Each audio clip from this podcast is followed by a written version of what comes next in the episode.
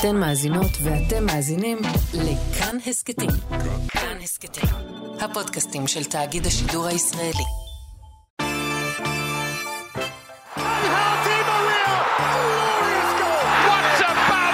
Messi, Messi, Messi, Messi. Gol, gol, gol. Bo, bo, bo, bo, gol. שלום, אני אורי לוי ואתם על שער הסכת הכדורגל של כאן, תאגיד השידור ואתר במגול. גביע, גביע, גביע, איי איי איי איי איי. גביע המדינה, סמל הרומנטיקה, או שמא המפעל שבכל מדינה בעולם מסמל את הכדורגל של פעם אל מול מה שהכדורגל המודרני או הפוסט-מודרני הפך להיות. אז היום בשער אנחנו מתמקדים בגביע, בגביע המדינה שלנו, במפעל הזה באופן כללי, במשחקים, במורשת וגם בענייני דיומה אה, הקשורים אליו באירופה ובמזרח התיכון. ולשם כך, היום איתנו בפרק אסף כהן, בוקר טוב. שלום, אהלן, אהלן. אהלן אהלן, יוסי מדינה, בוקר טוב. אהלן, בוקר טוב. והאיש שמזוהה עם מפעל הגביע פה בארץ, עם הדרמה, עם הרגש ובכלל עם הכדורגל הישראלי, יונתן כהן, איש ערוץ הספורט, בעל הפודקאסט הכדורגל הישראלי הבועט, עולים לרגל. בוקר טוב, יונה. בוקר טוב, כיף גדול להיות כאן. איזה כיף שאתה פה. לילה לבן, עוד, אה, אתה יודע, המיתרים עוד אה, שחוקים מליל אמש, אבל אה, אושר גדול להיות. איי, איי, איי, איי, איי, איזה ליל אמש עבר עליך, ואנחנו נדבר על זה. אז חברים, באמת, אנחנו היום מדברים על הגביע, אנחנו ננתח את המשחקים, וגם ניקח את הזום אאוט שלנו כמו שאנחנו אוהבים. וננצל כמובן את החומר האנושי האיכותי אה, והנדיר שיש לנו באולפן אה, הבוקר כדי לעסוק בכלל ברעיון הזה של גביע המדינה. מאיפה הוא בא, על איזה צורך הוא עונה, מה הוא מסמל, ואיך הוא שורד בעצם בעולם הכדורגל המשוגע שאנחנו חיים בו. יוצאים לדרך.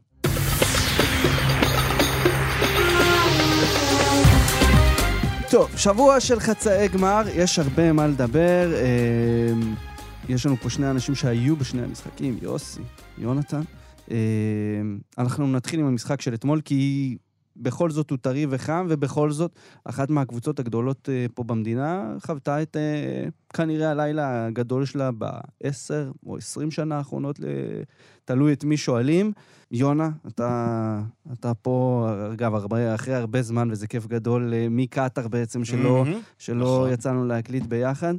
קח אותנו קצת לחוויה אתמול, מה, מה, איך זה היה להרגיש, איך זה הרגיש בסמי עופר בעצם אתמול.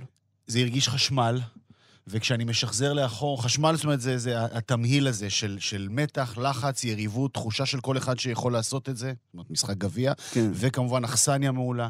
סמי עופר, אה, אולי הגישה אליו היא פרובלמטית מבחינת התנועה והפקקים, אבל כשאתה כבר בתוך המתקן הזה, זה ללא ספק האיצטדיון בקיבולת הזו הכי, הכי טוב בישראל. אה, באמת הבמה הטובה ביותר להצגות, ו- ואתמול הייתה הצגה. הייתה הצגה, והייתה הצגה של בית"ר, וזה הרגיש שהדומיננטיות שלהם, אה, אה, בטח שאני מנתח לאחור, אתה יודע, בזמן אמת אני מנסה להסתכל על הדברים אה, אה, כמה שיותר נקי וכולי, אבל עכשיו, בראייה לאחור, זה הרגיש כמו חגיגה שלהם. הם היו יותר קהל, הם האמינו בעצמם יותר, ואז זה כבר מתחבר, אתה יודע, לאלמנטים נוספים של מסורת ומורשת, ווואלה, עומד להם על הקווים אדם. שקוראים לו יוסי אבוקסיס, שהוא דוקטור למדעי הגביע. האיש ממש. פיצח את המפעל הזה, והאיש יודע לנצח בו. יותר ממה שהוא מאמן בליגה, יותר מאיך שהוא יודע להעמיד קבוצה לקראת משחק מול יריבה, הוא יודע לנצח משחקי גביע, ואתמול ביתר, גם אתמול עשתה בית ספר למכבי תל אביב. כן, אז, אז ביתר ניצחה אה, 3-1. אה, אני שראיתי את זה, אמנם לא ראיתי את זה מהטלוויזיה, לא, מה, לא מהאיצטדיון, זרק אותי אוטומטית לשנת 96-97 להיות ילד בירושלים. אה, עוצמות כאלה של ביתר, שאגב, אה, אתם יודעים, אה, יושבים פה שלושה, שלושה אנשים ש, שגדלו בצד השני של העיר, אבל אה, אה, זה היה נראה מטורף, והגול השלישי של אבישי כהן, זה היה פשוט, זה גול מונדיאלי. זה הזכיר לי את קניג'ה, וזה זה הזכיר לי באמת את ביתר ההיא בקטע שהעוצמות של הקהל, הכדורגל הפרוע, כי זה היה כדורגל פרוע אתמול, זה היה רוק אנד רול כזה של, של קאובויים, והקשתה מעל לשוער, לרוץ חצי מגרש לבד, דקה 90 פלוס בחצי גמר גביע המדינה, זה ההגדרה של ביתר ירושלים כמו שאני זוכר אותה כילד, עם פישונט ועם, ועם, אה, ועם אוחנה ו- ועם שלוי ו- וכל הדברים האלה. והאמת ש... צריך להגיד, הקבוצה הזאת הייתה צריכה להיות uh, בליגה א' לפני חצי שנה, וזה רק העצים את, ה, את התחושה הזאת שהנה הם בגביע המדינה, לוקחים איזשהו משהו, ספק גונבים אותו אפילו באיזושהי צורה, אבל משהו שהם הרגישו שהוא שייך להם. יוסי, אתה היית שם גם כן, מה, מה, מה הרגשת? אני אגיד ככה, במשך שנים דבק בבית"ר ירושלים הכינוי הנפלא, קבוצת גביע טיפוסית, למרות שכבר שנים היא באמת לא מצליחה במעמד הזה, ועדיין יש מין קסם כזה. דיברנו על, על אותו דבר בערך עם ריאל מדריד וליגת האלופות. משהו בבית"ר ירושלים, כשהיא מגיעה למעמדים המאוחרים, משהו שם מתפרץ. גם ניצחון על מכבי תל אביב, לא מזמן הם עשו תוצאה מאוד יפה מול מכבי תל אביב בליגה, אבל משהו במעמד הזה של הגביע, של חצי הגמר, של הקהל, אני ואתה היינו לפני חמש שנים, בחצי הגמר שלהם, באותו איצטדיון, מול קריית שמונה, אומנם קבוצה הרבה יותר טובה ממה שהייתה להם, זה מין דברים שאי אפשר באמת להסביר אותם, כל הניתוחים המקצועיים לא רלוונטיים. כן. זה קסם שהוא באמת התפרץ אתמול בערב, הרבה יותר מזה שגם, בוא נגיד, מכבי תל אביב אה, די סייעה להם בזה בשלבים מסוימים. אבל זה באמת, זה היה... אין, אין, לי, אין לי הרבה מילים לתאר את מה שקרה שם. ויש פה מה להגיד מקצועית, ופה בגלל זה יהיה מעניין לשמוע את אסף, כי, כי זה מרגיש שביתר באה מאוד מאוד מוכנה למשחק הזה. מכבי תל אביב בתחושה רק רצתה לסיים אותו, זה מרגיש שמשהו מאוד מאוד לא נוח ב, ב, ב, ב, בסיטואציה המקצועית-אנושית בתוך מכבי תל אביב שדורשת שינוי, אה, ו, ו, וזה נראה שמכבי תל אביב נפלה בכל פח שיוסי אבוקסיס וביתר הטמינו לה. ממש. באו מאוד מאוד מוכנים, נגיד ככה, מקצועית זה כנראה לא איזשהו משהו יוצא דופן לפצח, אסף התקפות מעבר, לתת למכבי תל אביב את הכדור, ואז לתת להם מתפרצות נגד העמידה הדי מוזרה שלהם, אה, וזה עבד, אה, וזה עדיין לא מובן מאליו. אבל לפני המקצועי, ביתר, אמ, ה- מה שמסמל את המועדון הזה זה כל העולם נגדנו, אנחנו, הממסד נגדנו. עכשיו, עזבו רגע את המציאות של 40 שנה של השלטון הוא, הוא שלטון לחלוטין בית"רי ומזוהה עם בית"ר, אבל כל מה שקרה בעונה הזאת, בשנה הזו, אה, לגמרי העצים את התחושות האלה. תוסיפו לזה מאמן שהגדולה שלו זה היכולת להפוך את, ה, את היוצרות, גם אם הם לא כאלה של כל העולם נגדנו, לא משנה אם הקבוצה היא קטנה או גדולה. ואז בגביע, במשחק כזה, ברגע כזה, הכל מתפוצץ באמת, כי משחקים בסופו של דבר נגד הממסד האמיתי, והיסטורית, מכבי תל אביב זה הממסד. אה, במשחק שבו, ואז באמת נכנס העניין המקצועי. מכבי תל אביב זה הממסד, אתה אומר? שהשר היסטורי. לביטחון לאומי לא, לא, מגיע היסטורי. כאוהד בית"ר עם צעיף, שמע, וכל הממשלה אוהדת זה- בית"ר. לא, לא, אני אומר... כן, אני- אגב, אני- אגב, אני- אה, לא, לא, רגע, אני אומר, 40 שנה השל- בית"ר נמצאת בשלטון הפוליטי, אבל בראייה ההיסטורית של ישראל, אז מכבי תל אביב זה, ה, זה ה, נגיד ההגמון בכדורגל, ובית"ר יכול ל- ל- להתמודד. הכל היסטורית, סימבולי, כן, הכל כן, סימבולי, זה לא, זה לא באמת אה, מה שקורה בפועל. תראו, כולם יודעים איך מכבי תל אביב תשחק. זה כבר הרבה מאוד זמן, כל העונה הזו, אתה יודע איך, איך מכבי תל אביב תשחק. היא תבוא כדי אה, להחזיק בכדור, היא תבוא לשחק עם שני הקשרים באמצע שהם מאוד מאוד פיזיים, אבל הם מתקשים מאוד בהנעת הכדור קדימה. כן. אה, וביתר התכוננה לזה. והיא לא שיחקה אחרת ממה שהיא משחקת כל העונה, הרי אנחנו רואים אותה בעונה הזו, ברגע שהיא משחקת מול קבוצה שהיא יותר טובה ממנה בלתת לה את הכדור, אז היא מתקשה. ראינו את זה במשחקים למשל נגד הפועל תל אביב בליגה, לפני סוף העונה, והרבה משחקים כאלה. פה היה לה נוח, כי מכבי תל אביב לא יכולה לתת את הכדור ליריבה, והיא צריכה ליזום, ואין לה כל כך עם מי. כן, לא, גם היו, היו שני רגעים מאוד שנויים במחלוקת שנבלעו בתוך כל ה-run and בלאגן הזה של, של ביתר. א', גול שנפסל בצורה... אבל בוא, בוא נצא רגע מהעניין הזה של אבל ה... זה דבר, זה דבר אין- שאסף... אבל הוא לא שנוי במחלוקת, כי למה? אנחנו, כי אנחנו הבנו, זה נראה שהכדור לא עבר את הקו. באותה מידה, היו הרבה מקרים בעבר, במונדיאל, שהכדור היה אז ביפן גרמניה, נכון. שהוא עבר, לא עבר. זה כבר לא שנוי במחלוקת, כי ברגע שאי אפשר לפסוק, אז, אז אין, אין שנוי אבל במחלוקת. זה, משפיע על, זה רגע שמשפיע על מומנטום של משחק. בוודאי, אבל אתה יודע, ועוד זה... רגע שמשפיע על מומנטום של משחק, זה ש... וזה היה באמת, מה, מהטלוויזיה זה היה קשה, קשה לצפייה. ברגע שערן זהבי עשה את היציאה מהמקום לכדור הזה של דניאל פרץ, אתה ידעת, הוא לא מסיים את הספרינט הזה. ראו את זה על הגוף שלו, היה לו פתאום באמצע הספרינט, היה לו איזה קפיצונת כזאת, שאמרת, יואו, קורה לב, עכשיו, לבן אתה אדם גם משהו. שואל את עצמך, למה הוא יוצא לספרינט הזה? הוא לא שחקן שיוצא, שעושה את הדברים האלה, נכון? וגם, הכדור היה אבוד, מילא איזה כדור עומק לכיוון הרחבה, אתה אומר, יש לי סיכוי של אחד ל להגיע, אז אוקיי, זה, זה, זה ערן זהבי. זה הלך הצידה, לא היה בזה שום היגיון. אני חייב להודות שברגע הזה, בתוך תוכי, הייתה לי מין תחושה שזה יכול להיטיב עם מכבי תל אביב. זאת אומרת, לא הפציעה של ערן זהבי חלילה ורק בריאות, אלא ברמה המקצועית זה מרגיש, כשאתה מסתכל על מכבי תל אביב מקרוב, שיש שם איזשהו פקק בהתקפה. זאת אומרת, יש לנו ניסיון מאולץ לשחק גם עם זהבי וגם עם אה, יובנוביץ' ביחד, והאילוץ הזה מסרבל את כל המשחק של הקבוצה, ואיפשהו בתוך תוכי אמרתי, רגע, אם זהבי יצא, ושוב, שיהיה בריא ויחזור, הוא עוגן משמעותי ביותר, זה אולי משהו, ישחרר משהו במשחק, יחזיר את מכבי לשחק איזשהו 4-3-3, שאומרים שהמאמן שלה יודע לאמן יותר טוב מכולם, והתשובה לכך היא לא. כן, כן. לא. וטעיתי. זה איפשהו גרם להם להיות הרבה פחות מאיימים. זהבי נכון שהוא תוקע, אבל ה- ה- האפקט שלו על הקבוצה השנייה, בוודאי קבוצה כמו ביתר, בוודאי אבוקסיס והכל. ויוסי יודע יותר טוב, זה יש לו מספרים נגד ביתר ש- שהם לא אנושיים. הקבוצה של, לפי דעתי, הקבוצה שהוא הבקיע נגדה הכי הרבה בליגה. ועוד עוד יותר סימבולי, את השער הראשון שלו במדי מכבי תל אביב, הוא הבקיע נגד אה, ביתר, בליגה. זה כאילו, אה, זהבי ממש יש לו איזה משהו עם ביתר, כן, זה- כן. הוא, הוא בא לזה ב- בביטחון.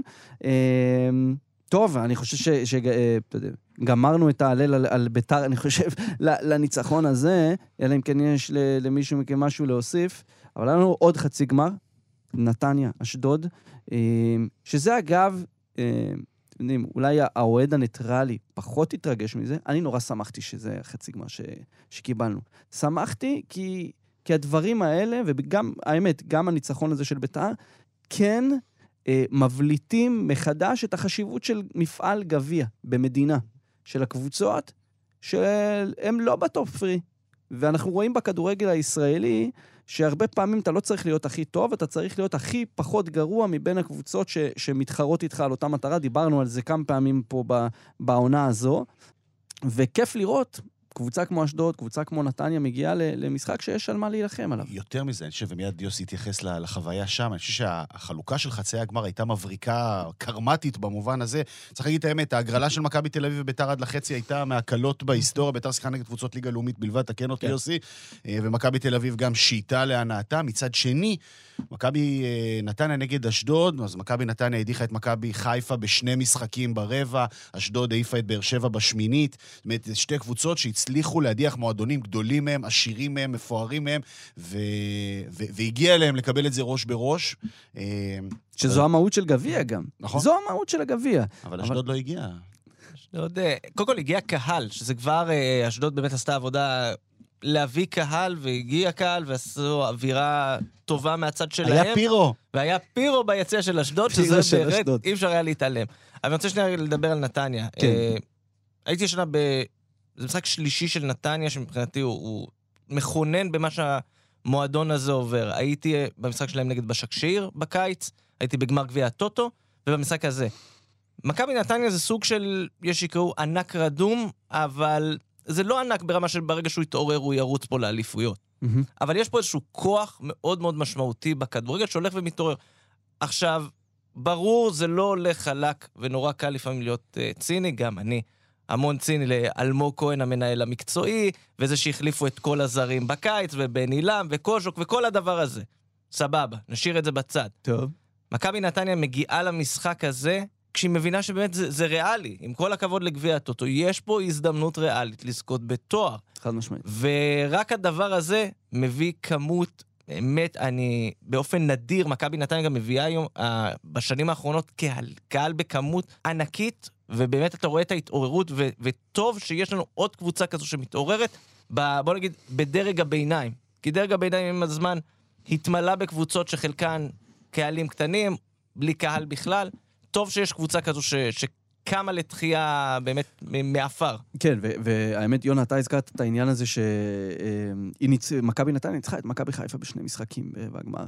אה, ובאמת, שני המשחקים האלה ברבע הגמר, זה איזושהי נקודה כזאת אה, מבחינתי, איזושהי כוכבית אה, שחורה במפעל הגביע שלנו, הגביע הישראלי, כמשהו שנועד למנוע מאיתנו לראות נכון. חצי גמר של מכבי נתניה נגד אשדוד, ולמנוע מאיתנו לראות את, ה, את הסינדרלות האלה, שזה פעם היה עניין שבשגרה, שכל עונה תהיה סינדרלה אחרת, פתאום זה מגביל את זה.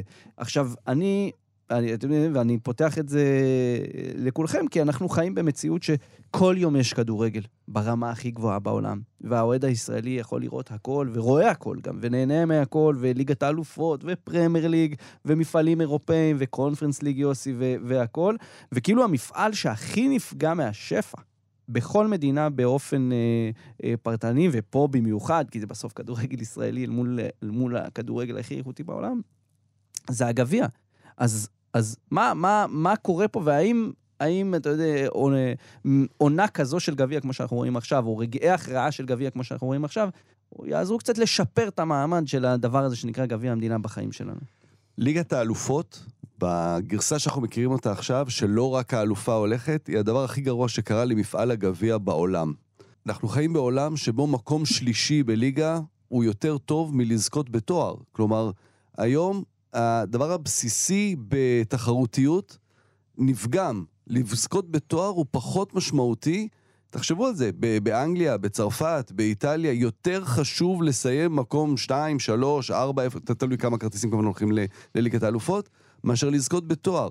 אז עצם זה שהדבר שבשבילו התכנסנו, לזכות בפרס, הוא לא הדבר המשמעותי, זה כבר פגיעה אחת ב... בתואר המשחק, בוא נגיד את זה ככה. Mm-hmm. ומצד שני, הקבוצות שנלחמות על המקום השלישי צודקות, כי זה גורם לזה שיש להם יותר כסף, וברגע שיש להם יותר כסף, יש להם יותר סיכוי לזכות בתארים. ואז אתה מסתכל, אני מסתכל על כל המדינות הגדולות.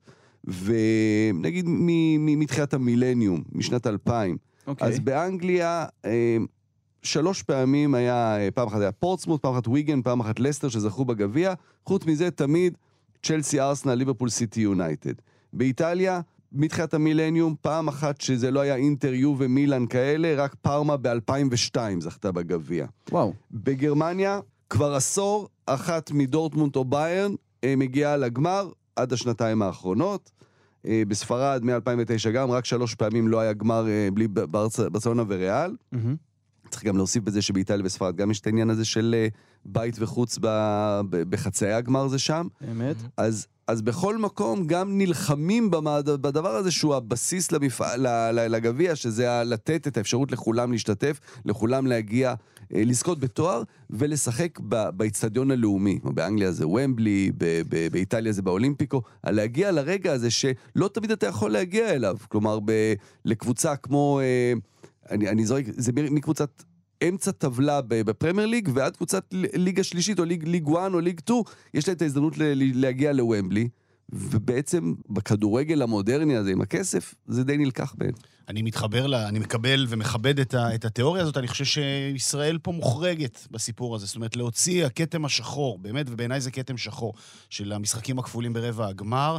המפעל פה עוד נשאר אה, המפעל הזה עוד נשאר גם זכר ל- ל- ל- ל- לישראל של פעם, לכדורגל של פעם, הוא עדיין מאפשר תחרות uh, שווה. גם בתוך הדאבל משחקים של רבע הגמר, לפני כמה שנים הפועל רמת גן הצליחה לעלות לחצי הגמר כשהיא ניצחה נכון. קבוצה מליגת העל במשחק כפול, זה קורה לפעמים, ואני מקווה מאוד שיורידו את זה, גם מכאן אנחנו נקרא, כי באמת זה הדבר היחיד שפוגם בתחרותיות ובקסם של המפעל הזה.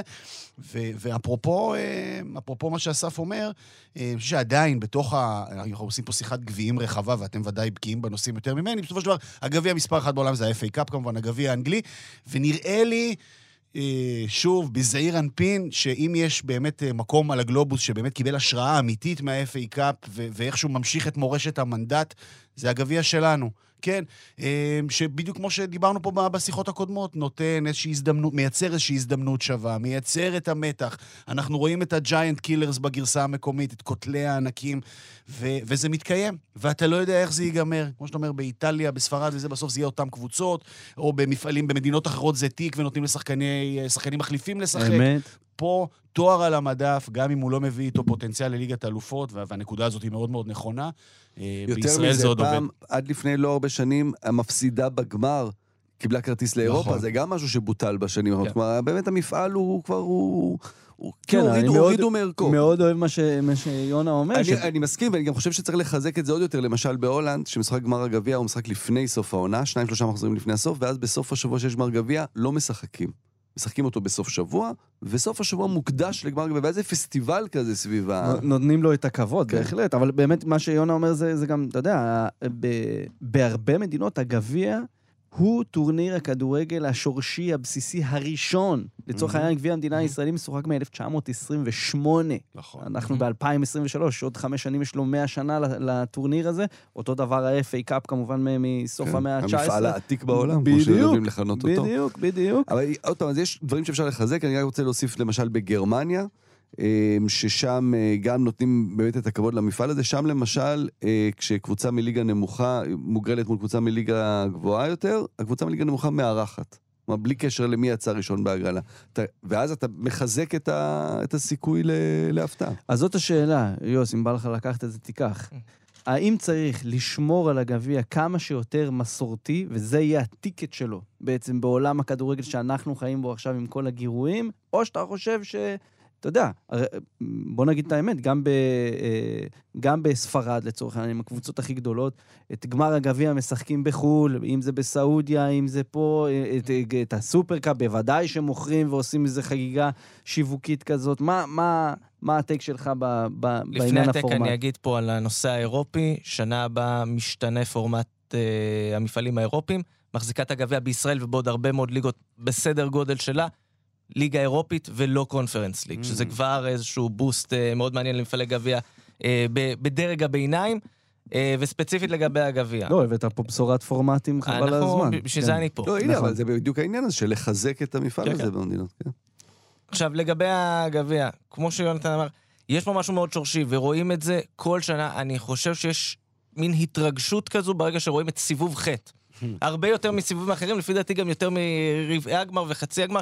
חד משמעית. יש משהו בקסם הזה, יש פה עדיין את, ה, את החזרה לשורשים, את ההגעה, שאתה רואה פתאום את הקבוצות מליגת העל מחטטות רגליהן ל, לפריפריה, למקומות המרוחקים יותר, קבוצות ליגה א', ליגה ב', יש בזה משהו, ואתה יודע, אני באופן אישי הייתי רוצה שזה יהיה כמו בצרפת. בצרפת שקבוצות הליגה הראשונה נכנסות, אז יש עוד איזה עשרות קבוצות מליגות נמוכות, מה לעשות, מדינה קטנה, מגבלות, הכל בסדר, אני מקבל בהבנה.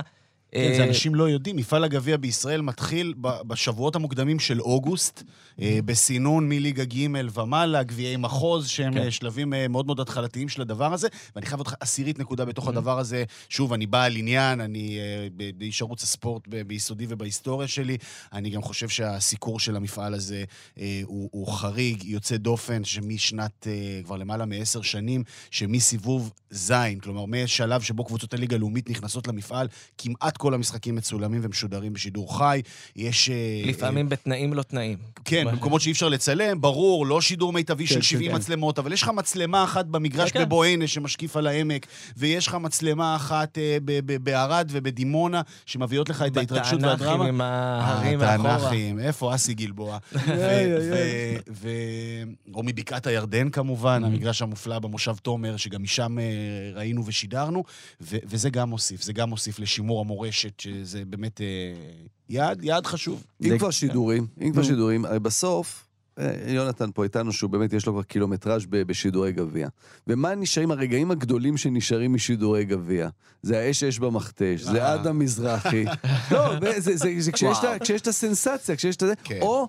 או כמובן משחק גדול או אה. מכבי תל ש- אביב אום אל-פחם. וואו. לא, אבל וגם נכון, אני אומר, השלוש שתיים. וגם מכבי תל אביב באר שבע, שלמה תחזיק אותי, כי אז זה כן. באמת, אז זה באמת איזשהו משחק יוצא דופן ש- שנשאר בהיסטוריה, אבל בדרך כלל הבסיס זה ההפתעות האלה, וזה באמת ה- הדבר המרגש האמיתי ב- בגביע. כן, מעולה. אז באמת אנחנו ככה כבר גלשנו ב- בטבעי עם השיחה על, ה- על הרומנטיקה וההשוואה של גביע אצלנו, גביע בחו"ל. אה, גם באירופה היה גביעים השבוע, היה גביע הולנדי, גמר גביע צרפתי. אה, אסף, קח אותנו לשם, להולנד. בוא נתחיל עם הולנד. בהולנד. כן. בהולנד היה אה, גמר ב- ברוטרדם, שם זה תמיד גם הגמר, אה, פסוו נגד אייאקס, לראשונה בהיסטוריה שחזור של הגמר מהשנה שעברה. ופה היה בדיוק מה שדיברנו לפני כמה דקות. שבוע לפני המשחק הגמר של אייאקס נגד פסוו, היה בליגה אייאקס פסוו, שהיה בעצם מאבק על המקום השני. והיה דיון שלם בהולנד, מה יותר חשוב? האם המשחק בליגה שהכריע בעצם מי תלך למקום השני ותלך למוקדמות ליגת האלופות, או המשחק גמר הגביע שבסופו מחלקים פרס. אז אה, פסו חגיגה פעמיים, אה, על חשבונה של אייקס, באמת בעונה... אני. המתחרה הישירה של מכבי תל אביב על העונה הכי מזעזעת בהתחשב בציפיות אולי. כן, אני- לא חושב שיש תחרות. אה, גם מבחינה תקציבית, מבחינת אה, מה, מה שהיא עשתה בשנים האחרונות. אה, זה היה משחק, שוב, המשחק, לא היה שם כדורגל באמת, היה שם מלחמה אמיתית ו- ומכות, ומכות שבתוך המגרש, אבל לא כמו שראינו ב, במשחק בין באר שבע למכבי חיפה. וזה הלך לפנדלים. לפנדלים מהגרועים שנראו אי פעם, שגם ראית שם את הלחץ על השחקנים וברכיים שבאמת רעדו, אה, ופז ומנצחת, ואז המצלמה הלכה לרות וניסטלרוי, לתואר אמיתי ראשון בקריירה שלו, של אדם שהוא כולו כריזמה, הכרית נוטפת ממנו. אה, זה באמת, אנחנו רואים המון כדורגל, משדרים המון כדורגל. אני חושב שזה המאמן שמצולם הכי הרבה בזמן משחקים. המצלמה כל חמש דקות הבמאי נותן לך שוט שלו. היכולת, אתה יודע, העילה הזאת שסביבו, אה, גורמת לזה שכל הזמן הולכים אליו, שהוא הרבה יותר גדול מהשחקנים שעל הדשא מה- מהקבוצה שלו. קבוצה אה, מאוד צעירה, גם צריך קבוצה לציין. מאוד צעירה, כן. קבוצה שאיבדה את כל הכוכבים שלה. אנחנו מדברים פה על זהבי, אבל זה גץ, מדואק, גאק פה, שחקנים שמשחקים בפרמייר ליג, ו... ובכל זאת הם הצליחו ל- לזכות בגביע, אז הם מרשים מאוד מבחינתם. אייאקס הולכת ל... באמת ל... לתקופה קשה מאוד של בנייה מחדש. עוד שני גביעים שהיו גם בצרפת וגם בבלגיה, כי אם כבר התחלנו בהולנד, אז uh, המשותף להן, שתי קבוצות עם קולוניות הולנדיות מאוד משמעותיות זכו בגביעים הללו. אוקיי. אה, אה, וואו. בגביע הצרפתי היה משחק בין טולוז לנאנט, והנה, כתגובה לזה שאמרנו שרק אה, מועדונים גדולים ועשירים מגיעים לגמרים, אז גמר בצרפת, כשננטי מחזיקה את הגביע, הגיעה למשחק הזה כמחזיקת גביע. נכון, עם שוער שיונתן מאוד מאוד אוהב, אה, אלבן לפונט, נכון. שגם כל שחקן... למה אתה אוהב כי הוא אותו? מייק מניאן הבא. אה. זה נורא כיף לזהות את האיש שיהיה המחליף של השוער הבא של כן. נבחרת צרפת. חזק. ויותר הזכיר את ברטז במשחק הזה, אבל לא, לא ברגעים הגדולים אגב, שלו. לפני שאתה נכנס פה ל- ל- לענייני המשחק עצמו, הגביע הצרפתי, ספציפית בין כל גביעי המדינה, יש לו איזה קסם. הוא טורניר שבאמת מייצר כוכבים מכלום. ספציפית, אוקיי, נאנט זה קבוצה שהיא היא בכירה יותר וזה, אבל אם אתם זוכרים, נגיד, הגביע הצרפתי זה הטורניר והבמה שהביאה לעולם את פרנק ריברי. עם עלה, שהוא עשה איתם עונה מטורפת, הגיע איתם לגמר.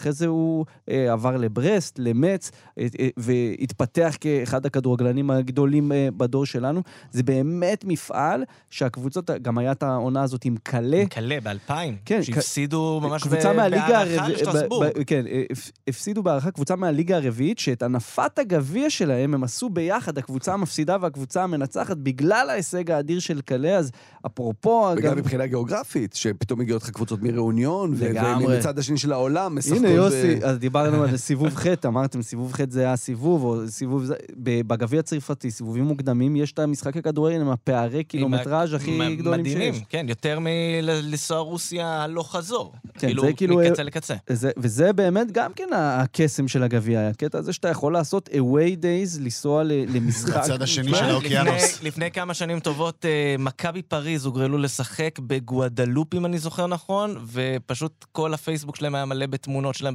בקלאב מד המקומי. מדהים. זה היה תמונות נפלאות. מדהים. אה, כן, אז חזרה, חזרה לגמר הגביע שהיה השבוע. טולוז פירקה את נאנט. בסופו של דבר. שמע, היה היה 4-0 דקה 30, ואני? ישר רק חושב, לא, לא שידרתי, אבל אוקיי. אבל צפיתי כמובן. כן. 4-0 דקה 30, כמה נגמר כבר? חמש ו- אחד. חמש אחד. ואתה- ואתה אתה רק מדמיין בראש את האוהדים של נאנט.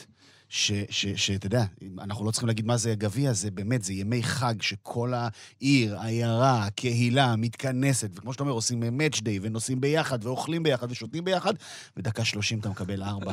מטורף. ומטולוז, שאנחנו כן. מכירים את השם יעל בן בסט, וזה, אבל, אבל זה לא מועדון שזכה בתארים או משהו כזה, זה, זה באמת התואר הראשון הגדול, ו, אבל זו קבוצה גם שמורכבת מלא הולנדים. מלא הולנדים, אבל הולנדים לא הולנדים, עכשיו תגידו, שחקני נבחרת. טייס דלינחה היה מלך שערים בליגה שנייה בעונה שעברה. נכון, אבל יש שם, אה, יש שם שחקן שאהוב על אורי. רגע, תגיע אליו. אה, אתה רוצה להרים, סליחה. אה, זה שלושה וחצי הולנדים, כי אני אומר, דלינחה ספירינגס וברנקו ונדנבורמן, וחצי הולנדים, כי אחד זה כמובן זכריה אבוכלל, כן, שאנחנו... כולנו זוכרים, יש לנו איתו מומנט עם, אה, עם ברור. אבוכלל, אה, בכלל, כל נבחרת מרוקו שבאמת עשתה לנו חודש אה, נובמבר, דצמבר, ש, שכנראה לא נשכח לעולם, וכיף, כיף לראות תמיד גם אותו, גם את אנסירים, כולם מפציצים, כל המרוקאים חזרו כל כך טוב, זה, זה כיף. וכדי להחזיר אותנו לקרקע של הרומנטיקה של קבוצה כזו זוכה בגביע, אנחנו מגיעים לכדורגל מודרני. טולוז נמצאת בבעלות, אותה בעלות של הקבוצה שבעצם שולטת במילאן. ועכשיו יש סיפור, האם וופא תאשר להם להשתתף במפעל אירופה? כי מילאן הולכת ליגת האלופות, לפחות לפי מה שאני מבין, אם מילאן תשחק בליגת האלופות וטולוז בליגה האירופית, אין בעיה. אם שתיהן יצטרכו לשחק בליגה האירופית, שם כבר וופא תתערב. אבל מי אם תקבל מילאן- עדיפות, אני לא יודע בדיוק. אבל ברגע שאתה. משחק בליגת האלופות, יש לך את הפוטנציאל להגיע לליגה האירופית, אירופית. והמפגש יכול נקרא לקרות. הפרדה עד כמה שאפשר. היה הרי את הסיפור בזמנו עם צ'לסי וצסקה מוסקבה ב- כן, בתקופת רומן אברמוביץ', שאז הסיפור הזה התחיל להכות גלים. אה, אז רק בשביל להשלים בקטנה, אה, גביע בלגי, אנטוורפן אה, ניצחה את מכלן 2-0, יונס מלאדה לא שותף, זה היה גמר שני רצוף של יונס מלאדה, בשנה שעברה הוא גם שיחק אז עם גנט. וזכה. אנטוורפן, עוד קהילה הולנדית, הקבוצה של אוברמרס, מנהל מקצועי, ון בומל מאמן, עם הרבה מאוד שחקנים הולנדים, אחד מהם גם כבש וינסנט יאנסן. אנטוורפן זה סוג של ענק רדום כזה, של מועדון גדול היסטורית עם עיר גדולה. שלא הגיע לשום מקום, ועכשיו שופכים שם המון כסף, הזכייה הזו בגביע, המאבק, הם עדיין במאבק האליפות, בפלייאוף אה, של, של בלגיה. אה, צריך לשים לב, כי יש פה פוטנציאל למועדון שיכול אה, להתקדם ולהגיע לגדולה. מעניין, וגם, תשמע, צריך להגיד, המון, הזכרנו את המפעל הזה, וההורים והתאומים, של מפעלי הגביע בכל העולם. הגביע האנגלי, העונה, מקבל לראשונה אי פעם דרבי מנצ'סטרי בגמר. וזה, אני לוקח את זה כאיזשהו... אתם יודעים, אני בעקבות השיחה הזאת, אפילו לא חששתי לפני ש, אותנו לפרק הזה, לא חששתי שאני אצא מפה עם איזושהי בשורה על רנסאנס קטן של מפעל הגביע בכל מיני נקודות בעולם. ברור, הרומנטי- הרומנטיקה חיה, אורי. בדיוק. ואני אומר, אם בגביע האנגלי כזה דבר וכזה מאורע קורה השנה, זה, זה משליך על הכל. זה משליך על הכל, כי באמת, גם החצאי גמר היו חזקים, והיה לך את השילוב, את הסיפור המעניין הזה עם ברייטון, קבוצה, אה, נקרא לה אה, בינונית או medium size, שחווה עונה אדירה, נמתחת לפנדלים מול יונייטד, ובסוף אה, יונייטד מנצחת, וכן, אנחנו מקבלים את הדרבי הזה בין הענק האולטימטיבי סיטי, הענק של העבר יונייטד, רומנטיקה מול כסף, הכל מתנקז לתוך האירוע הזה בעצם. זוכרים שפעם היו בסוף, בסוף עונה, מועדונים... חלילה שלא יחשבו שאני אומר שליונייטד אין כסף, כן? אני רק... אה, לא, בסוף עונה תמיד מועדונים היו מוציאים אה, קסטת וידאו כזו, עם סיכום העונה. אז יונייטד השנה תוציא קסטת, קלטת וידאו של הגביע, שתהיה מדהימה, תהיה מושלמת, מה- מה שהיה מול פולאם, עם האלימות, ו- ומיטרוביץ' שהורחק, וברייטון עם הפנדלים, וזה צומח לזה שבגמר אמור להיות באמת אה, משהו מיוחד נגד סיטי בדרבי, בין האלה שפעם פרגוסון אמר עליהם שהם רק עושים רעש, ועכשיו הם האלה שמסתכלים עליהם מלמעלה. בוומבלי כמובן, עם תנח נגד פפ, מיליון סיפורים על הגביע הזה. ומה שיהיה בסיפור הזה, בסופו של דבר, שזה יהיה עוד צעד של פפ לעשות את מה שפרגוסון עשה ולהביא את סיטי לטראבל. זה בלתי נמנע. זה בלתי נמנע, אה? בלתי נמנע. בלי, בלתי נמנע, גם מחכה לנו פרק אה, ליגת האלופות, אנחנו... וואי וואי וואי וואי, זה הולך להיות uh, מעניין. טוב, ננצל את המומנטום מהגביע האנגלי, יש לך סיפור קטן בשבילנו השבוע. כן, אי אפשר היה להתעלם, זה לא קשור לגביע, אבל uh, לידס uh, פיטרה, אחרי שהיא פיטרה את ג'סי מארש, שהיא מינתה את חאבי גרסיה, גם הוא פוטר, אה, והחזירה משום מקום את סם אלרדייס, ביג סם, אה, כמאמן. ארבעה משחקים נותרו ללידס עד סוף העונה. אה, משחקים קשים מאוד, יש לה סיטי בחוץ, ניו קאסל בבית, ווסטהאם בחוץ, ואז טוטנאם בבית, זה ארבעת המשחקים האחרונים שנותרו לה. כולם מסמנים אותה כ... נגיד סאוטהמפטון כבר ירדה, אבל מבחינת המשחקים שנותרו לה, נראה שלידס יהיה לה קשה מאוד לשרוד. אה, וזה בעיקר עניין של אה, חזון ואיך אתה מנהל קבוצת כדורגל. כלומר, יש איזושהי דרך שבה הולכים, ולידס הרבה שנים הייתה בליגה השנייה, ליגה שלישית, בגלל עניינים כלכליים. אה, ובאיזשהו שלב אה, אה, מונה מנהל מקצועי ויקטור אורטה, ספרדי, שעשה דברים יפים גם בספרד, והוא החליט להביא את מרסלו ביאלסה. בידיעה ברורה שברגע שיש לך את ביאלסה, אתה נותן לו יד חופשית לעשות הכל, לשנות את המועדון, לשחק את הכדורגל שלו, אתה לא מתערב לו בכלום. ביאלסה החזיר את לידס לליגה בכדורגל שרבות דובר, ו- ובאמת כדורגל מיוחד. בסופו של דבר הוא פוטר בעונה שעברה כשהתוצאות לא... יותר מדי זמן לא היו, לא היו טובות, הרגיש שזה נגמר. ובתוך שנה הם מצליחים להגיע מביאלסה עם חשיבה של כדורגל מודרני, אה, לחץ גבוה, אה, ברמת ה... אוהבים לגחך על זה פה, אבל אה, GPSים ופסיכולוגיה ומדעי הספורט, אבל הדברים הכי עמוקים של, של הכדורגל המודרני, כן. ובתוך שנה ועם עם שני מאמנים בדרך, הם מגיעים לא, אולי לאיש שמסמל את הדבר הכי הפוך והכי לא קשור לזה, ש, שכל מה שהוא מסמל בכדורגל שלו זה אה, מוטיבציה וצעקות ואנרגיות. כדורגל אנגלי של פעם, כדורגל- 4-4-2 וכדורים כדור ארוכים. ארוכים, כן, בדיוק. כמו שאומר, אה, כמו שאומר בסרט, 4-4 פאקינג 2, זה, ה, אה, זה, ה, זה המשפט. כן, היה להם חזון, והם הלכו על אופציית אה, שרון מימר, מנחם קורצקי. ניסו אביטן ממש בימים אלו. כן, ממש, ממש זה ממש. אפילו עוד דור, על דור ספידים, לפני. על ספידים, כן, זה, בדיוק. זה לא... מומי זה- זפרן זה- נקרא לחלץ את עכו שני מחזורים מומי- לסיום. מומי טקטיקן גדול. אפילו... אה, לא, אמרתי שלא. תראה, אם, אם, שמו הוא, אותו בעמדה אם, לא אם נוחה. סמל אלרדייס זה מומי זפרן, אז אה, רוי לא, הודסון זה לילו לא, עופר, אתה יודע. לידס. לידס, ספציפית, לידס המועדון הוא הכי אנגליה שיש, יכול להיות, זה הלידס הגדולה של שנות ה-70, שאו שהאוהדים שלה מאוד אוהבים אותה, או שהיא הקבוצה השנואה על כולם. זה גם חלק מהעניין הקושי שלהם להישאר בליגה, כי כולם ישמחו מאוד להוריד אותם. והם עשו ב... בשנים האלה את השינוי הזה, של ללכת מאמן ארגנטינאי, מאמן אמריקאי, מאמן ספרדי, להביא כדורגל מכל מיני מקומות, גישה אחרת לכדורגל, וברגע הזה, לפני שהם יורדים ליגה, הם, הם כאילו שמים הכל בצד ואומרים, טוב, בואו נחזור למה שהיה פה פעם. אמ, זה לא יעבוד. זה- לא יכול לעבוד. זה לא- זה לא הגיוני שזה יעבוד. לא, גם צריך, אתה יודע, אם אנחנו רוצים לחפש את הקישור לתמה שלנו, הפרק, אה, ובכלל, אלינו כישראלים, מי סיים את עונת הגביע של לידס? מנור סולומון ופולאם, 2-0, לסיבוב חמישי של הגביע. הכל חוזר לפה בסוף. מפה, אני רוצה שנסתכל קצת על המזרח התיכון, ומה קורה פה מבחינת הגביעים, וזה דבר מעניין.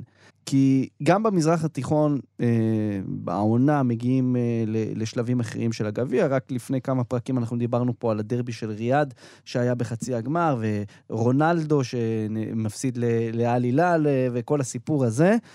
גם שם הגביע הוא, הוא, הוא חשוב, אבל הוא מסמל משהו אחר. אם אצלנו, במקומות עם אה, תרבות כדורגל כזאת, אה, שנקרא לה, שבאמת יונקת ושואבת מהגביע האנגלי ומהכדורגל האירופאי והכול, אה, שם הגביע הוא מפעל רשמי שרוב הפוקוס, גם במצלמות הטלוויזיה וגם בבימוי, הולך למלך או לשליט, לאמיר. אם זה בסעודיה, אם זה בקטאר, אם זה אפילו אה, ברשות הפלסטינית, שלגביע הטוטו שלהם, לצורך העניין, הם קראו גביע יאסר ערפאת, אוקיי? אבל במקומות האלה הגביע הוא מאוד חשוב, כי הוא באמת מאפשר, הוא בהרבה מקרים ההזדמנות הכמעט יחידה של קבוצה אה, לצאת החוצה. מה, מהליגה, כי ברוב הליגות האלופה מקבלת את הכרטיס, ה, אה, בין אם זה לליגת האלופות האסייתית או לגביע ה-AFC, שזה כמו הליגה האירופית.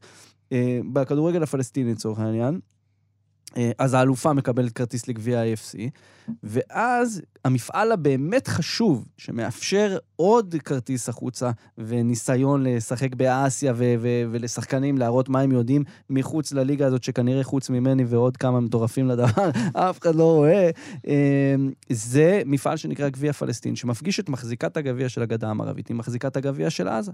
ובעצם תחשבו שבשביל העזתים זה, זה אולי המשחק הכי גדול שיהיה להם בחייהם, כי זה גם ההזדמנות הראשונה של רבים מהם אשכרה לצאת מעזה ולשחק ו- ו- ולראות את העולם שבחוץ, ואם הם מנצחים, וזה כבר קרה, יש להם פתאום הזדמנות אה, לשחק בגביע ה-AFC, כמובן שבסופו של דבר הם לא, לא הצליחו אה, לארגן את כל האישורים הנדרשים וזה, זה קרה ב-2017 עם שבאב רפיח, שזכו בטורניר הזה, אה, אבל חשוב להבין ש... הגביע במקומות גם פחות מת- מתפתחים מבחינת uh, תרבות הכדורגל, או העושר של תרבות הכדורגל שלהם, הוא גט-אווי מדהים למציאות שאחרת, בלי הטורניר הזה ובלי האופציה הזאת של... Uh, והדבר הכי בסיסי הזה בכדורגל של משחק נוקאוט, 90 דקות או 120 דקות או פנדלים, uh, לצאת ולעשות היסטוריה, לעשות משהו חשוב ואדיר, וזה כיף גדול. חוץ מזה, היה בכלל שבוע סוער במזרח התיכון, גם עם מפעלי גביע. ליגת האלופות אה, של אפריקה ראתה כמה משחקים אה, גדולים וטראומטיים. רג'ה קזבלנקה, אה, יוסי, אירחה את אה, המלצנו על המשחק הזה בשבוע שעבר, משחק שגבה חיים של אוהדת בדוחק אדיר שהיה שם בכניסה לאצטדיון. אה, סיפור עצוב מאוד. ובתוניסיה, מלא בלאגן, היה שם אה, משחק בין אה, תרג'י התוניסאית לקביליה האלג'יראית. אה, לא יודע אם יצא לכם לראות, אוהד עם מסור חשמלי ביציע. יצא לכם לראות את הוידאוים האלה השבוע? משהו קשה ביותר. אה, כתבתי על זה טור אה, לוואלה ספורט, אני מקווה שהוא יתפרסם, אתם תוכלו לקרוא בדיוק מה, מה עומד מאחורי הדבר הזה. אה, אבל כדי שנסיים במה שנקרא בטונים יותר חיוביים, אה, המלצות שלכם לסופש הקרוב, בין אם זה מפעלי גביע ובין אם לא, מה, מה אתם הולכים לראות? סף. טוב, האמת היא שהליגת העל שלנו היא בכותרות, כי המחזור אה, בעצם בפלייאוף התחתון, אנחנו נקבל שלושה משחקים במקביל, הפועל תל אביב קריית שמונה, סכנין חדרה, ביתר נגד ריינה על הירידה, הפועל תל אביב קריית שמונה, העיניים לשם, שם יכולה כבר לבוא יורדת. אה, ביום ראשון יש אה, אקסלסיור נגד פיינורד, דרבי של רוטרדם, שיכול להיות משחק האליפות של פיינורד, שזה רגע גדול אה, עבור הקבוצה הזו, שאף אחד לא ציפה ממנה. הם בעצמם לא ציפו להיות שם. הם תלויים בזה שפ.ס.וו תפסיד נקודות בשבת. אם הם לא יזכו השבוע, אז הם יזכו בשבוע הבא. יש ניוקאסל ארסנל ביום ראשון, שזה גם אה, משחק ש... אולי הזדמנות אחרונה לארסנל ככה להגיד, אנחנו פה ואנחנו כדי להיאבק עד הסוף, ואולי זה המשחק שיוציא אותם סופית מה, מהמרוץ וזה ייתן את התואר לסיטי. מחזור אחרון בצ'מפיונשיפ, ביום שני אחרי הצהריים, הכל. במקביל, שידורים אה, ישירים גם בספורט אחת, כולל משחק ראש בראש בין האדרספילד ורדינג על אה, הזכות להישאר בליגה. אני רק רוצה לציין, הרשימה של הקבוצות שהולכת להשתתף בפלייאוף השנה, בצ'מפיונשיפ, קבוצות ששכחו איך נראית הפרמייר ליג. ת- זה... כרגע. הבטיחו את מקומם כבר לוטון, מידלספרו, קובנטרי רגל וחצי, וואו. והקרב על הכרטיס הרביעי, זה באמת רשימה של שמות שכולם רק, רק מעוררי ג'ילינגהם נוסטלגיה. חסרה לי שם. כולל סנדרלנד שעוד יש לה סיכוי ב- במחזור הזה. ואז בהמשך השבוע יש צ'מפיונס, ליגה אירופית, כבר מגיעים לחצאי הגמר. כן, כן, כן. יוסי, מה אתה הולך לראות השבוע? נותן קטנה, מה שנקרא, אלטרנטיבית. אוקיי. יש ביום שני משחק עונה בסלובקיה בין אה, סלובן ברטיסלבה לדונאיסקה סטרדה. על לא רוצים לפספס את זה. תקשיב לסיפור מאחורי הקלעים. סלובן ברטיסלבה כרגע מובילה את הטבלה ביתרון של שתי נקודות, שלושה מחזורים לסיום. הקבוצה הכי גדולה בסלובקיה עשתה השנה שמינית גמר קונפרנס ליג. אם דונאיסקה סטרדה תזכה באליפות סלובקיה, זו רעידת אדמה. למה? מעבר לעובדה שהם שלחו לארץ את יון ניקולאסקו בתחילת העונה, דונאיסקה סטרדה זו קבוצה שמייצגת עיר עם רוב הונגרי. הקבוצה ממומנת על ידי משרד הספורט ההונגרי, ויקטור אורבן שמה וואו. בוחש בעניינים, האיצטדיון שלהם, הספונסר הראשי, זו חברת הגז הממשלתית של הונגריה, מין אה, שליטה מרחוק אה, באוכלוסייה. היה על זה פרק בזמן תוצאה כבר? היה, ודאי. אז אה, בבקשה, כל מי- כל מי שלא היה מודע לסיפור הזה, שירוץ אז אולי להקשיב. קסטרדה, מה שנקרא, ב- בהזדמנות לבוא ובאמת להרעיד, כי גם מעבר לזה, קבוצה מאוד אה, קטנה יחסית שצומחת פתאום לגבהים גדולים, פוליטיקה וספורט זה תמיד כיף. כיף. יונה, מה אתה הולך לראות, לשדר? אני בשבת ב- בסכנין, בדוחה, הולך לראות את, ה, את, ה, את הופעת הבכורה, את הקאמבק של ניסו אביטן. אה, צר עולמי, אורי, בסדר? אתה לא, לא, אתה ה ticket הזה הבאת אותי. הולך לראות את הקאמבק זה. של ניסו אביטן אה, כמאמן הפועל חדרה, אה, ולראות את סכנין מתאוששת מהדיבורים על כך שלא התאמצה מול הפועל תל אביב במשחק הקודם. כן. זה פתח לדיונים רבים אחרים. ואני חושב שביום שני עשוי להיות יום מאוד מאוד מעניין. שוב, כדורגל ישראלי wise, אה, הפועל פתח תקווה, קבוצת אוהדים נוספת, אה, תעלה ליגה ביום שני, משחק בית נגד בני יהודה. זה רגע משמעותי, מצטרף כוח, אפרופו ענקים רדומים שדיברתם עליהם מוקדם יותר, ונתניה. אז הפועל פתח תקווה, בדיוק כמו נתניה, זו קבוצה שיכולה להביא איתה פתאום עשרת אלפים אוהדים למשחק, 12,000, ו- והם חוזרים, והם חוזרים טוב, אחרי עבודה טובה של אה, יסודות ותשתיות, אה, וזה יהיה מעניין. בהחלט, אני חושב גם שכולנו תמימי דעים שאם יש משהו שנרצה לראות בכדורגל הישראלי בשנה הבאה, זה את הדרבי של פתח תקווה, בליגת העל, על הבמה הכי גדולה. אה, משחק שתמיד מוסיף, תמיד אה, כיף לך שיש אותו, וכשיש גם כבר אה, דרבי ירושלמי, גם דרבי תל אביבי, גם דרבי חיפאי, אז גם דרבי של פתח תקווה זה, זה רק שדרוג לליגה. רק רחובות חסר לנו, והירידה של שעריים לליגה ב' אה, שוברת את הלב. לצערנו. כן, אני כמובן אה, בסוף השבוע הקרוב אה, אשכים קום בשבת ואשדר עם דני דבורין את המשחק השני בגמר ליגת האלופות האסייתית. אה, זה הולך להיות מעניין, כי בשבוע שעבר דיברתי ואמרתי מה, ככה קצת הסברנו פה את, ה, את ה, יחסי הכוחות בין אל הילל לאוראווה היפנית. היה משחק אה, 70 אלף איש באיצטדיון המלך פייד. סאלם אלדוסרי, כוכב נבחרת סעודיה, הפציץ שער אחרי 12 דקות, היה נראה הילל בדרך אה, לטיול קליל אה, לזכות בגביע שני ברציפות. אממה, הדברים שם התחילו להסתבך. אה, עלי אלבולאי, בלם אחר של נבחרת סעודיה. עשה שם מהלך מהשערים המוזרים שאני ראיתי העונה. פחות או יותר קרוב לקו החצי, הגיע כדור שניסו לשלוח לחלוץ של אה, אוראווה קורוקי, שינזו קורוקי, והוא ניסה להרחיק אותו, והכדור ניתז בעוצמה כל כך גדולה, שהוא טס כל הדרך, עבר את השוער של אליאל, פגע בקורה, חזר למרכז הרחבה, קורוקי נתן ספרינט ושם גול. כאילו, בישול עצמי ביזארי לחלוטין. גול של סופר סטרייקה, במצויר כזה, לא... נשבע, זה כל, כל הגיפים של היפנים היו דרגון בול זי לגמרי. אה, הסעודים כמובן אה, מהירו בבכי, ולהוסיף חטא על פשע, סאלם אל-דוסרי תקע את הפקקים של הנעליים שלו בשריר התאומים של הירוקי סקאי, חטף כרטיס אדום, והפך את, ה, את הגומלין למשחק שאלי הילאל ורמון דיאז בכאב ראש אדיר. כי בליגת האלופות האסייתית, בניגוד לליגה הסעודית, שם אתה יכול לשים עד שמונה זרים בהרכב, מכל הבא ליד, מה שבא לך, ואם יש לך כסף, ת, ת, רק תחגוג. ליגת האלופות האסייתית מותר לך שלושה זרים, פלוס זר נוסף שהוא ממדינה אחרת באסיה. שאר השחקנים חייבים להיות מהמדינה שלך. ועל הילל שמשופעת בלוסיאנו וייטו, דיוני גלו, מוסא מרגה, אה, גוסטבו קוויאר, שחקנים כאילו מפחידים. אה, בבעיה. הם צריכים אה, להושיב מישהו על הספסל עכשיו, כי הלך להם הקיצוני שלהם, סאלם דוסרי, אז הם צריכים להכניס אולי את אנדרי קרירו הפרואני, אבל אז הם צריכים להחליט על מי הם אה, הולכים לוותר, האם הם הולכים לוותר על מרגע, שהוא המנהיג של חדר הלבשה, או דיוני גלו, כנראה הבן אדם היחיד שיכול לתת שם גול מכלום. מצב ביש רציני, ולבוא לסייטמה ביפן ולשחק מול אתם יודעים, אה, עשרות אלפי יפנים שעושים רעש, ויוסי עושה שעות אה, עם הג'יי ליגה העונה, הוא יכול אה, לספר. זה אתגר לא פשוט בכלל. אורי דלוי, של הפודקאסטים בספרד של שנות התש... תחילת שנות התשעים, okay. אוקיי. זה בדיוק היה מה שהוא אמר אז. מה? עכשיו קרויף צריך להחליט את מי הוא מושיב על הספסל, כשיש לו את רומריו, את סטויצ'קו ואת מיכאל לאודרופ ואת רונלד קומן, והוא יכול לשחק רק עם שלושה. אז איך עברו 30 שנה והצרות של אירופה, שמאז עברה כל מיני שינויים חוקיים ו- ואדמיניסטרטיביים משמעותיים. אגב, יש לנו פרק שבין השאר עוסק בנושא הזה בשבוע הבא. אה, אני ואסף הקלטנו פרק, אנחנו לא מספרים לכם על מהו, אבל uh, הולך להיות מאוד מעניין. Uh, והנה עכשיו באסיה, בגמר ליגת האלופות, יש ממש את אותה, אותה בעיה. כן, אז זה שבת, 12 בצהריים, אני אשדר את זה. חוץ מזה, מסר לאומה האחרון, יונתן, אתה פה. תן לנו, ת, תארוז לנו את, את שבוע הגביע הזה, ותתן לנו איזה, איזה מתאבן אה, לקראת התאריך הדי מגניב, אגב, לגמר, 23 לחמישי 23. משחקי גמר הגביע בישראל הם תמיד ביום רביעי, במשך אה, שנים ארוכות ארוכות. השנה הוא זז מיום שלישי ליום, מיום רביעי ליום שלישי, כי נשיא המדינה, הרצוג, לא פנוי.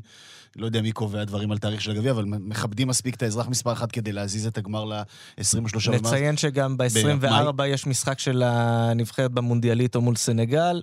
טוב שזז. יצא טוב, כן, לגמרי. זה המפעל הכי יפה, הכי ישראלי, אה, על, על, על הבעיות שיש בישראליות, הכי מפתיע, הכי לא צפוי, ו...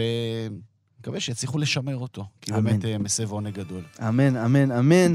אה, זה היה פאנל, שער, בבא גול, כאן, על גביע המדינה ועל מפעלי גביע בכלל, באירופה, במזרח התיכון. אה, אני רוצה להגיד תודה רבה לאסף כהן. תודה רבה, יום מצוין שיהיה. תודה רבה ליוסי מדינה. תודה, תודה.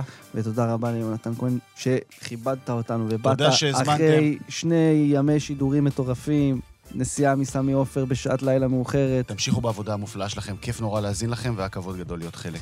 אז תודה רבה גם לשרון לרנר, טכנאי השידור, שהוא גם יערוך לנו את הפרק הזה.